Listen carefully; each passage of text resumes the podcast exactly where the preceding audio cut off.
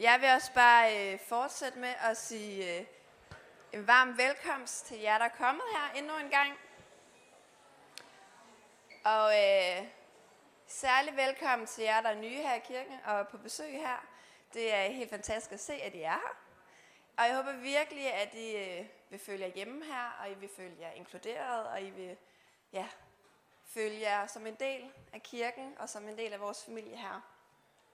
Jeg hedder Kirstin, og jeg har været en del af København Vineyard her i mange år, rigtig mange år efterhånden. Øhm, og jeg øh, er også frivillig her i kirken. Jeg giver en dag om ugen øh, og arbejder på staben her. Hvor mange af jer her har været afsted øh, på sommercamp i den her uge? Det er alligevel en god flok. Er det noget, der kan, kan anbefales? Helt klart. Nød I det fantastiske vejr? Og må jeg bare lige sige, at øh, den tager jeg gerne på min kappe, for jeg øh, skrev den her tale, inden vi skulle afsted på sommercamp, og i tro skrev jeg, at vi havde nyt et fantastisk vejr. Så I kan bare give mig en is bagefter som tak. Det er helt okay, den, den tager jeg gerne. Det er helt fint. Men altså, da jeg skulle forberede mig til den her tale, så havde jeg en fornemmelse af, at jeg skulle øhm, tale om at være set af Gud. Ikke sådan som øh, overvågning, eller sådan som øh, eksponering, eller et eller andet. Øh, for det er der alt for meget af rundt omkring os. Men, øh, men det der med sådan at blive set, at blive set som du virkelig er. Øh, uden facade, uden fordomme, uden forventninger, men bare, bare elsket, bare set. Øhm, og det er virkelig ambivalent sådan at skulle, øh, skulle snakke om det, fordi på sin vis, så er det så vildt sårbart og vildt skræmmende at skulle gøre det. Det er vildt angstprovokerende. Det er angstprovokerende, fordi der er en, en del af mig, der virkelig ønsker sådan at holde facaden oppe og sådan holde en vis afstand til andre og sådan lade det hele se ud som om, at imaget er godt, og det, det, det kører meget godt for mig, og, og der er alligevel noget i mig, som ikke er så smukt og så godt, som jeg har lyst til sådan at skjule for folk, så, så de ikke ligesom kender alt under overfladen på mig. Men samtidig så er det også virkelig befriende at skulle, øh, skulle snakke om det her emne, fordi jeg tror virkelig, det er noget, der er en dyb, dyb længsel i os alle sammen. Det med virkelig bare at være kendt. Det med virkelig bare at være set af Gud, uden nogen som helst øh, facade. Det der med at virkelig blive elsket for den jeg er, ikke med hvad jeg kan præstere eller noget som helst, men ind under overfladen, ind under alt det, jeg har bygget op omkring mig selv, og bare være elsket for den jeg er. Med alle de fejl og mangler. Så det med at være set af Gud og være set af andre mennesker, det er virkelig noget, der kræver mod. Og jeg tror alligevel, det er noget af det, som, øh, som møder en længst, der ligger dybt i os alle sammen. Og jeg vil lige fortsætte gudstjenesten her med at, øh, at bede for formiddagen her. Så kære Helligånd, jeg beder mig, at du må komme lige nu. Kom og mød os, far. Kom og åbne vores hjerter for det, du ønsker at sige til os, Gud.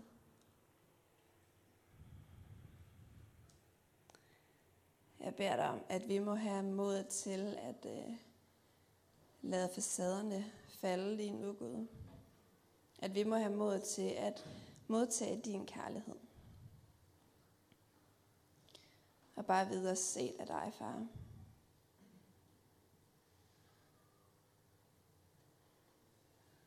Kom Gud med din ånd, og øh, de her ord, der bliver talt, gå, gå dybere, end at vi bare hører dem, Gud, men lad dem gå ind og, og forvandle os, far.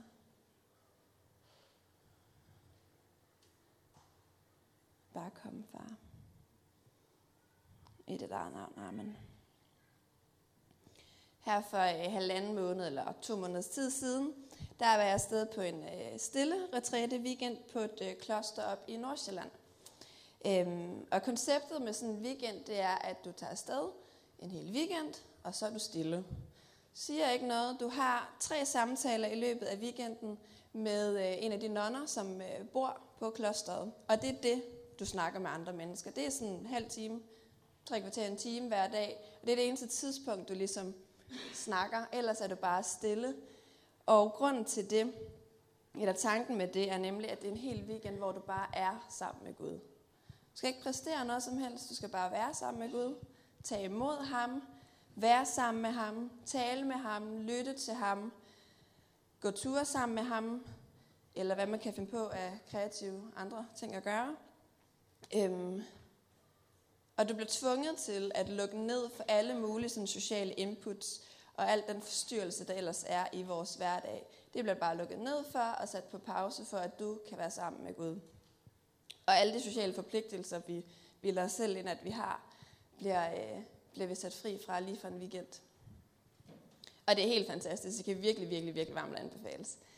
Men jeg kom nok alligevel med en eller anden forventning om, at når jeg nu satte en hel weekend af til at være stille, og til bare at være sammen med Gud, at så vil han også lade mig opleve en hel masse, at jeg virkelig mærke hans nærvær rigtig stærk, og at der virkelig vil være en eller anden stor forvandlende oplevelse, fordi jeg nu satte en weekend af. Øhm, at der på en eller anden måde ville være noget konkret, der ville være et før og efter den her weekend. Men øhm, det skete overhovedet ikke, fordi jeg tror, at, at det ville jo gøre, altså det ville jo være, at jeg valgte at sige, fordi jeg tog på en weekend, ville Gud møde mig. Altså så det blev ligesom et præmis for, at Gud ville møde mig, det var, at jeg rent faktisk præsterede noget og tog afsted på weekenden. Og det var ikke det, jeg ligesom skulle hænge weekenden op på. Fordi jeg tror i virkeligheden var det meget godt, at jeg ikke sådan nødvendigvis mærkede en masse konkret og følte en masse vilde forvandlinger og forandringer. Fordi så ville jeg nemlig lige præcis koble det op på, at okay, når jeg gør noget, så møder Gud mig. Og det var ikke det, der skulle ske. Det, der skulle ske, var nemlig, at jeg bare skulle hvile i de sandheder, som der er om, hvem Gud er, og hvem jeg er i ham. Og at det var fuldstændig ligegyldigt, hvad jeg følte, eller hvad jeg mærkede, eller hvad jeg oplevede. At det kunne ligesom ikke rokke ved de her helt uomtvistelige sandheder om, hvem Gud er, og hvem jeg er i ham. Og det er helt upåvirket af, hvad jeg lige følte. Det, jeg blev mindet om allerede, da weekenden startede, det er, at, øh, at jeg er Guds barn, og at han ser på mig konstant. Guds øjne hviler bestandigt på mig.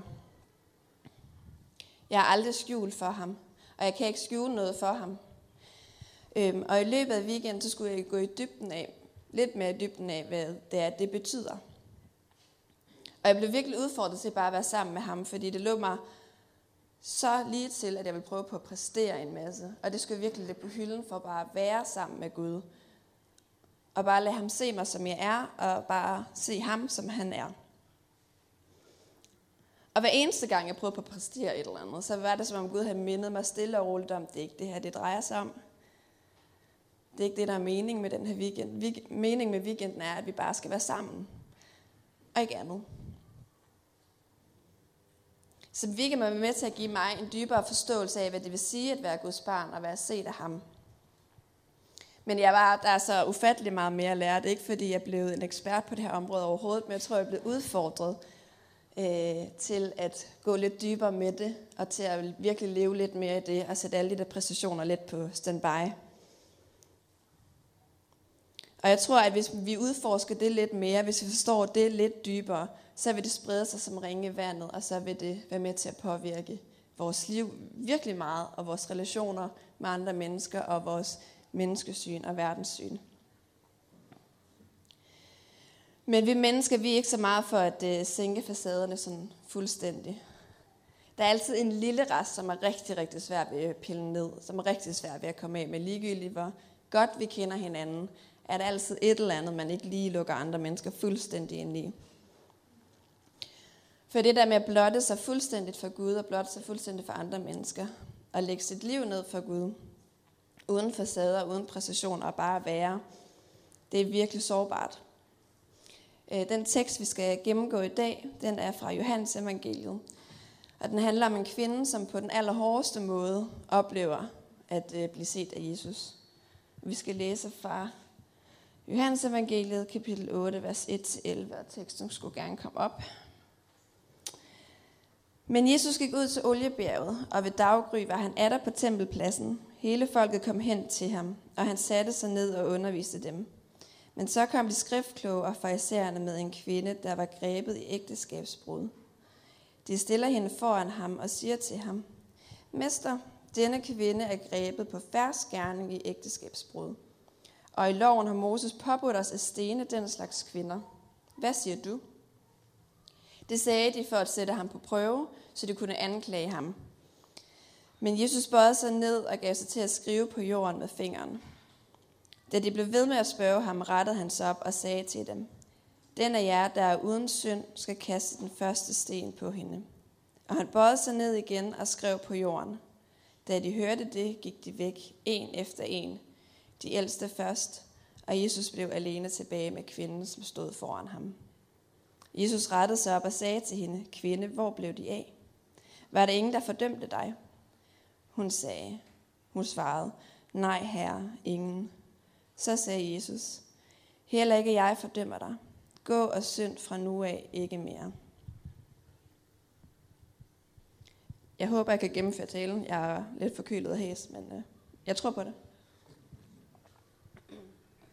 Ja, men øh, her i teksten, der møder vi en kvinde, som virkelig godt ved, at hun har gjort noget, der ikke er smart. Der er sikkert gået rygter øh, og slag om hende, om at hun var ikke det gode selskab, og man skulle holde sig fra hende. Og man kan sagtens øh, forestille sig, at hun er blevet undgået, og at hun har undgået andre mennesker.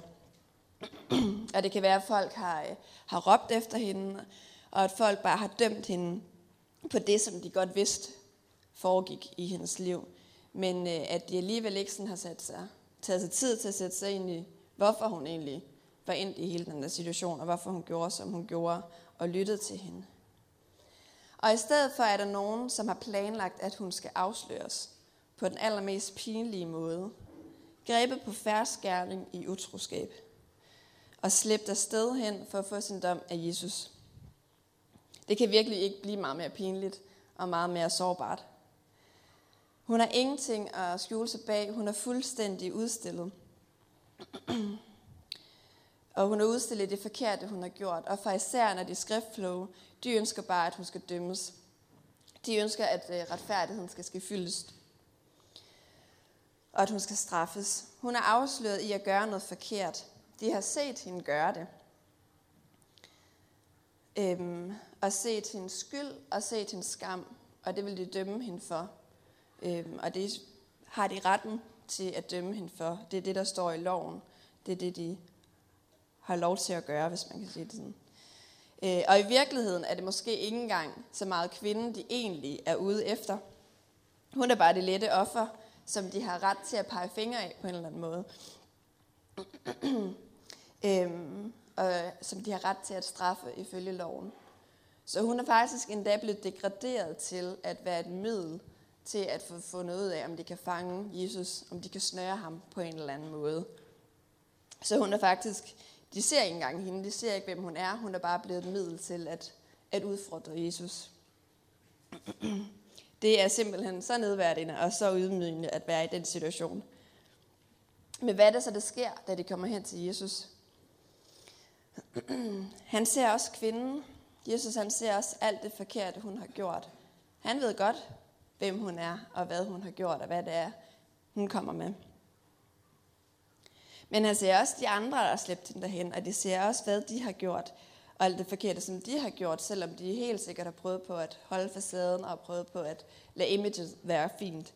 Øhm. Men hvad er det så, han gør, som er så meget anderledes end de andre? Han lægger ikke lov på det, der er sket, og han prøver ikke på at undskylde kvinden for, hvad hun har gjort, eller forklare, hvorfor hun lige er endt i den situation, og alt sådan noget. Og han prøver virkelig ikke på at dække over den så hårde sandhed, det er med hendes skyld og skam og det forkerte, hun har gjort. Det, de andre umiddelbart har set, alle hendes fejl og alle hendes mangler, hendes skyld og skam, det ser Jesus også. Men han ser mere end det. Han dømmer hende ikke ud på det. Han ser et Guds barn stå lige foran sig. Øhm, han ser et menneske, som er blevet gjort helt værdiløst i de andre menneskers øjne, og så bryder han ind i hendes liv og giver hende værdi igen. Han bryder ind i den nedværdigelse og den værdiløshed, som andre mennesker har talt ind over hendes liv. Han dømmer hende ikke, men han giver hende mulighed for at arbejde videre ud fra det udgangspunkt, hun er blevet fanget i. Menneskerne omkring hende, de skriftkloge og farisæer, og sikkert der flere, der blev samlet omkring hele den her seance, de ønsker at dømme hende, og de, døm, og de dømte hende. Men Jesus han dømmer hende ikke. Og for jer, der kender den her historie, som har læst den før, så er det på ingen måde en eller anden ny, revolutionerende teologisk vinkel på den her historie at fremhæve lige præcis det, at Jesus ikke dømmer kvinden. Og for jer, der ikke kender så meget til Jesus, så kan det godt være, at det er nyt det med, at Jesus han faktisk ikke dømmer os, når vi kommer og med, de, med det forkerte, vi har, har gjort. Men jeg tror virkelig ikke, at vi har forstået dybden af, hvad det vil sige, at kvinden ikke bliver dømt af Jesus.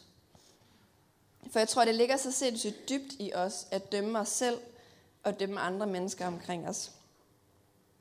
Så det er fuldstændig imod vores logik, at Jesus, som er Gud, han ser hende her kvinde, hende kvinde, han ser alt det forkert, hun har gjort, og han dømmer hende ikke. For hun har jo helt tydeligt gjort noget forkert. Hun er jo blevet grebet i selve handlingen. Øhm. Men Jesus, han ser ikke synden. Han ser ikke skylden. Han ser ikke skammen. Han ser kvinden. Han vil udmærke godt, hvad det er, hun har gjort. Men han vil ikke lade det skille dem ad. Hvis hun vil, hvis hun tør at lade sig blive set af Jesus, så kan hun øh, for muligheden for at starte på en frisk.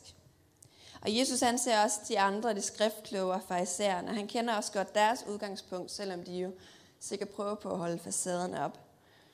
Hvis vi læser vers 7-9 igen, så står der, Da de blev ved med at spørge ham, rettede han sig op og sagde til dem, Den af jer, der uden synd skal kaste den første sten på hende. Og han bøjede sig ned igen og skrev på jorden.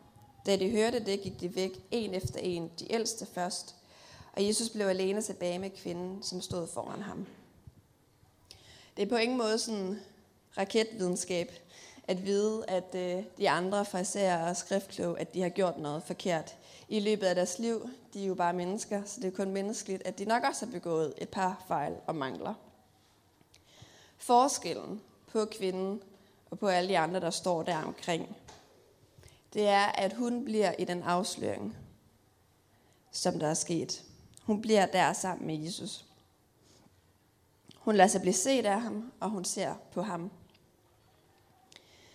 Når vi som mennesker bliver afsløret, så har vi en tendens til, at vi undskylder os selv, eller vil forsvare os selv, eller forklare os selv, eller på en eller anden måde gør det hele lidt, lidt mindre alvorligt.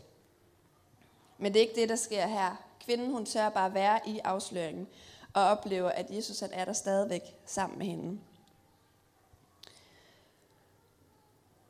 Og det kræver virkelig mod.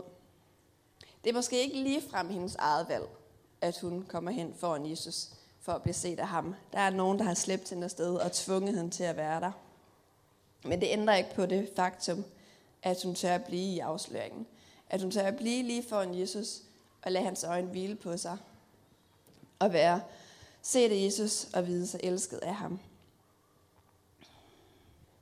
Og det er det, vi får lov til at opleve, når vi er Guds børn. Det kan være rigtig, rigtig hårdt, og det er rigtig, rigtig sårbart. Men det er det hele værd. Og det er ikke noget, der sådan gælder for særligt udvalgte.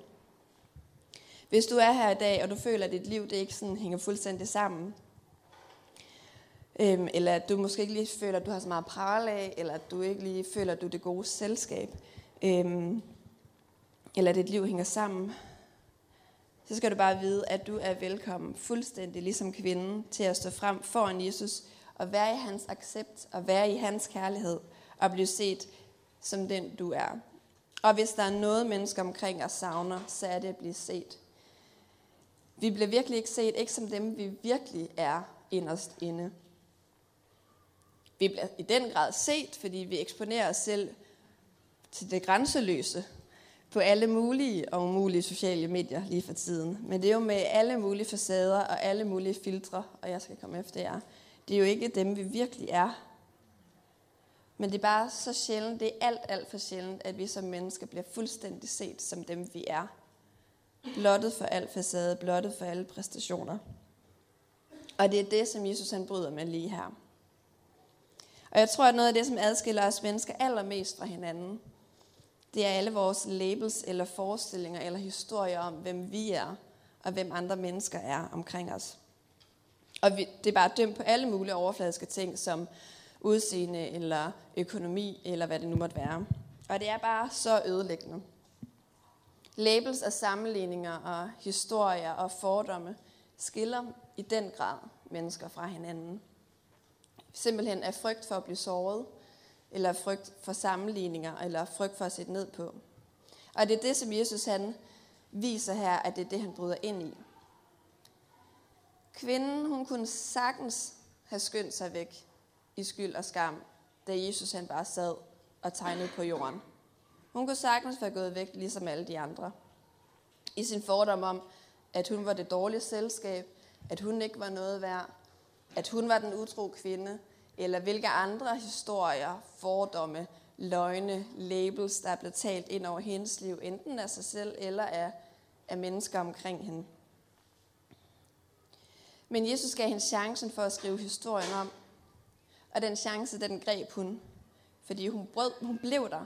Hun blev foran Jesus, og hun brød med de løgne, som hun selv og andre har talt over hende. Og hun lod Jesus sandhed om, hvem hun er, gælde, og hvad den sandhed, hun ligesom vil bygge sin identitet på. Og det er lige præcis det, det vil sige at blive set af Gud. Det er lige præcis det, det vil sige at være Guds barn. Det er at lade sandheden om, hvem jeg er og hvem han er, være det, der gælder, hvad det, der er talt over vores liv. Og det bryder med forventninger, det bryder med fordom, det bryder med skyld, det bryder med skam, og det bryder med løgne. Og det kan gøre virkelig, virkelig ondt, for det bryder også med alle de behagelige løgne, de behagelige historier, som jeg har talt over mit eget liv, eller andre mennesker har talt over mit eget liv. Men det er det hele værd, og det rykker mit blik fra mig selv og op på Gud. Og som vi var inde på i starten, så har flere af os lige været afsted på Vineyard Nordens sommercamp, op i den smukke svenske natur. Og det er nu her sætningen kommer, som jeg åbenbart havde profiteret over campen. Vejret var i den grad med os. Jeg skrev det for to uger siden, jeg siger det bare. Nå, men temaet for campen var Challenge to Change. Og der var flere dygtige undervisere, som virkelig udfordrede os på den ene eller den anden måde. Og til jer, der ikke har været med, eller til jer, der ikke kan huske, hvad der blev sagt, fordi der er sagt rigtig mange ting, og der har været rigtig mange møder, så øh, kan man finde al undervisning inde på Sommercampus hjemmeside og inde på YouTube. Så det er bare med at gå i gang. Der er ingen undskyldning. Øhm, og der er en grund til, at øh, Vineyard Nordens sommercamp har det tema, Challenge to Change. Det er fordi, vi ønsker virkelig mere end noget andet at se endnu flere blive mødt af Gud og se menneskers liv blive forvandlet. Og vi ønsker virkelig at se mørke blive brudt. Vi vil se ting ske, og vi ved, at Gud han har givet os mandatet til at gøre det. Hvis vi læser i Lukas evangeliet fra kapitel 9, vers 1-2, så står der nemlig, Jesus kaldte de 12 sammen og gav dem magt og myndighed over alle dæmoner og til at helbrede sygdomme. Så han sendte dem ud for at prædike Guds rige og helbrede de syge. Så det er helt i forlængelse af Jesu ønske for kirken, at vi gør det, at vi ønsker at se forvandling og forandring i vores eget liv og i andre menneskers liv og i den by, vi bor i og den verden, vi lever i. Og jeg kom op til campen med en forventning om, at de fleste møder vil handle om, at vi skulle gå ud og gøre en masse. At vi skulle gå ud og forvandle, at vi skulle gå ud og bryde med mørket, at vi skulle ud og bede for de syge, og så videre og så videre. Øhm, og jeg blev glædeligt overrasket over, at det helt klart stadigvæk er drømmen, og det er helt klart visionen for os som efterfølger Jesus, og som, for os som kirke.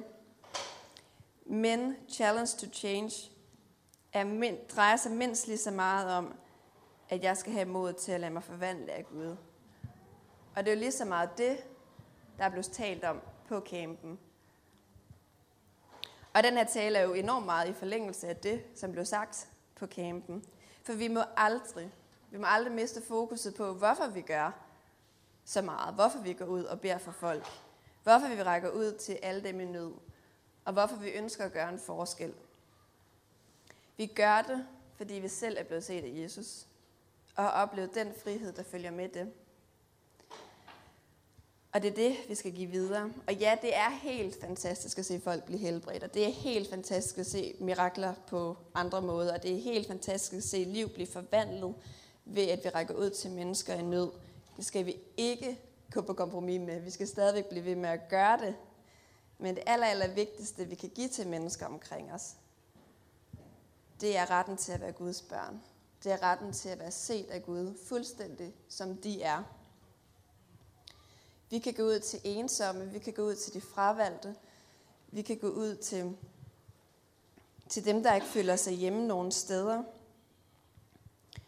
Og så kan vi give dem retten til at være Guds børn. Vi kan give dem et tilhørsforhold. Vi kan give dem en mening med livet.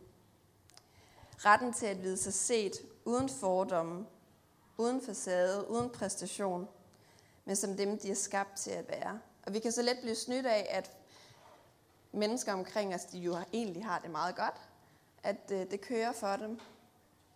Men de har alle sammen løgne, labels, fordomme talt ind over, ind over deres liv, som Gud ønsker at bryde med. Og som vi kan få lov til at give dem. Gud han har noget at give dem. Øh, deres sande identitet. Men hvor er det, jeg får mod til at forandre mit eget liv, eller menneskers liv omkring mig, eller bryde ind i mørket i, her i København, eller i et andet sted i verden? Det sker ved, at vi står lige foran Jesus fuldstændig, som kvinden gjorde. Uden præstation, uden facade, midt i alt skyld, midt i alt skam, midt i alt sårbarhed.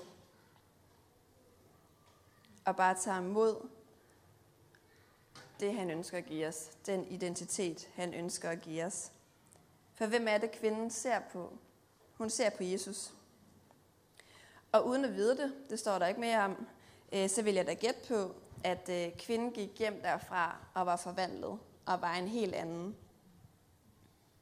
Hendes liv havde fået et helt nyt fokus, og det fokus var Gud.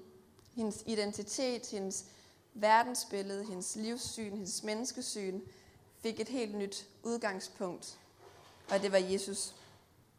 Alt andet blev defineret, eller det hele blev defineret ud fra det faktum, at hun var set og hun var elsket af Gud.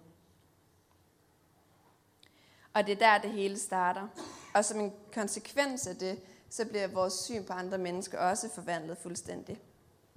Og bare ved at være sammen med Gud og spejle mig i hans øjne og i hans kærlighed, uden at præstere noget som helst, Bare se ham, som han er, og mig som den, han har skabt mig til at være, bliver vores liv forvandlet. Og på nogle punkter, så var det en rigtig hård kamp at være afsted på den retræte, som jeg talte om i starten. For jeg skulle virkelig, virkelig frelægge mig en vane med, at jeg skulle have noget ud af det her. At det skulle være et produkt, at der skulle være et eller andet resultat eller sådan noget. At det ikke var det, der var meningen, men meningen bare var fællesskab med Gud, bare var at være sammen med ham at det var det, meningen med weekenden var. At bruge tid sammen med Gud. Intet andet. Jeg skulle bare være i hans nærvær, ligesom kvinden var i hans nærvær. Og jeg skulle løfte blikket fra mig selv og op til Gud. Og jeg ved godt, at jeg efterhånden har sagt det nogle gange, men det er virkelig der, det hele starter. Ja, vi ønsker som kirke her, så ønsker vi virkelig at se mennesker blive forandret, og vi ønsker virkelig at se liv blive forvandlet, og vi tager gerne hele verden med. Men det starter altid med, at vi selv bliver set af Gud, og at vi selv tør lade os blive forvandlet af Gud. Og det er virkelig noget af det aller, aller modeste, du kan gøre. Og noget af det, vi som kirke her ønsker at være, så er det et sted, hvor mennesker de bliver set. Hvor de bliver set som dem, de er. Først og fremmest af Gud selvfølgelig, men også af os, der kommer her i kirken. For et par uger siden så snakkede jeg med en, som ikke var vant til at komme her i kirken, om hvad det vil sige at komme i øh, en frikirke, og helt specifikt med at komme her i, øh, i Vineyard. Og hvorfor jeg ligesom havde valgt back in the days at begynde at komme her i kirken. Og jeg ved virkelig ikke, hvor mange gange jeg sagde, at der var noget helt særligt ved fællesskabet. Og det har der været helt fra starten af, og det var noget af det, der var med til at gøre, at jeg startede her i kirken. Jeg følte mig set, og jeg var set. Og det var, det var ikke ligegyldigt, om jeg kom eller ej. Det gjorde faktisk en forskel, folk lagde mærke til, om jeg kom eller ej.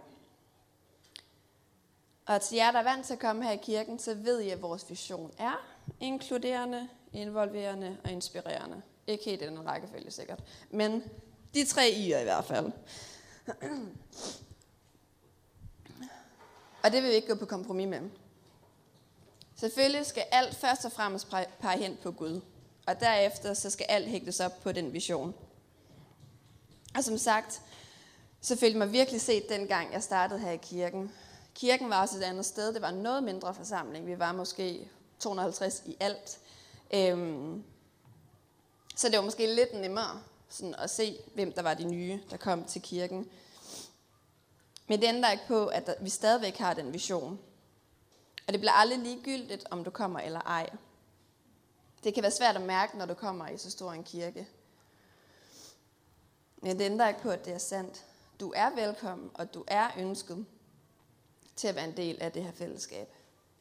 Og som sagt, så er kirken jo meget større nu, og det kan være meget nemmere at komme og bare gemme sig og ikke blive set. Eller det kan være fristende at tænke, at alt det der med sådan at inkludere de nye mennesker, det må de andre tage sig af, fordi vi er jo alligevel så mange. Så det, må der, det er det nok nogle andre, der, der gør. Med, men sådan hænger det altså ikke sammen. Hvis du er ny, så ønsker vi virkelig at lære dig at kende. Vi ønsker virkelig, at Gud skal lære dig at kende. At Gud han skal se dig som den du er. Og vi ønsker også at se dig som den du er. Og til alle jer, der kommer fast her i kirken, så ønsker vi virkelig også, at du skal tage del i den vision om at inkludere de nye. At se dem. Både her i kirken selvfølgelig, men også se mennesker omkring dig i din hverdag. Og være interesseret i deres liv. Lad være med at springe over, hvor gæret er lavest. Og lad andre om at inkludere det nye her i kirken. Det handler altså ikke om, når vi kommer til Guds tjeneste, om formiddagen eller om aftenen, at jeg bare skal have det godt, og at jeg skal hænge ud med mine venner. Det handler om, at vi ser det nye. Det handler om, at vi inkluderer dem. Det handler om, at vi byder dem velkommen. Fordi det, vil, det, vil, det er det, det vil sige blandt andet også, at efterligne Jesus. For det var det, han gjorde. Han så mennesker omkring sig. Han så dem, som de var. Så kom i gang med at inkludere det nye, eller fortsæt det gode arbejde. Og stor velkommen til dig, der er ny. Vi håber, at du føler dig velkommen. Og ja, det kan godt være, at det er rigtig hårdt arbejde at blive ved med at inkludere nye mennesker, blive ved med at rumme nye, og blive ved med at være i relation med folk, fordi det er hårdt, og det er enormt kontrakulturelt. Ikke kun at vi kender folk på overfladen, men faktisk vil gå i dybden, faktisk vil kende menneskers historie, faktisk vil vide, hvem de er. Og det kan gøre ondt indimellem, og det er besværligt, men det er det hele værd. Og vi laver ikke om på visionen, bare fordi det bliver lidt hårdt en gang imellem. Fordi den vision har Gud kaldet os til som kirke. Kvindens liv blev fuldstændig forvandlet, fordi Jesus så ud over hendes skyld og skam. Og det er dybest set det, vi ønsker at se, og det er derfor, vi konstant er insisterende inkluderende. Så hvorfor gør vi det? Vi gør det for at give det videre, som vi har fået af Gud. At blive set og blive elsket som dem, vi er. Mennesker betyder noget for Jesus. Han er virkelig ikke ligeglad med nogen. Alle betyder noget for ham. Så vi ønsker ikke at inkludere nye, fordi enhver kirke med respekt for sig selv skal have en fængende vision. Vi gør det, fordi Jesus han så mennesker omkring sig. Han så outsiderne. Han så alle dem, som folk ikke vil have noget med at gøre. Og han inkluderede dem i fællesskab med ham. Og vi ønsker som sagt at efterligne Jesus, så det er derfor, vi gør det. Jeg vil til at slutte af nu, og jeg kan virkelig ikke understrege nok, hvor vigtigt det er, at vi hver især tør at sætte os hen foran Jesus, som kvinden gjorde. Med alle paraderne nede, og bare blive set af Jesus, blive set af Gud, og mærke, hvordan det forvandler os, og mærke, hvordan det er det, der gør, at vi kan give videre. At det er det, der gør, at vi kan have modet, have inspirationen, have energien til at gå videre og bede for syge, invitere mennesker med i kirke, fortælle vores historie med Gud. Det starter ved, at vi hver især sidder nede foran Jesus og bliver set af ham og dropper alt det smarte omkring os og bare er pinlige over for ham. Og det er hårdt, men det er den ultimative frihed. Og det er det modeste, vi kan gøre. Og det er det bedste, vi kan give til andre mennesker.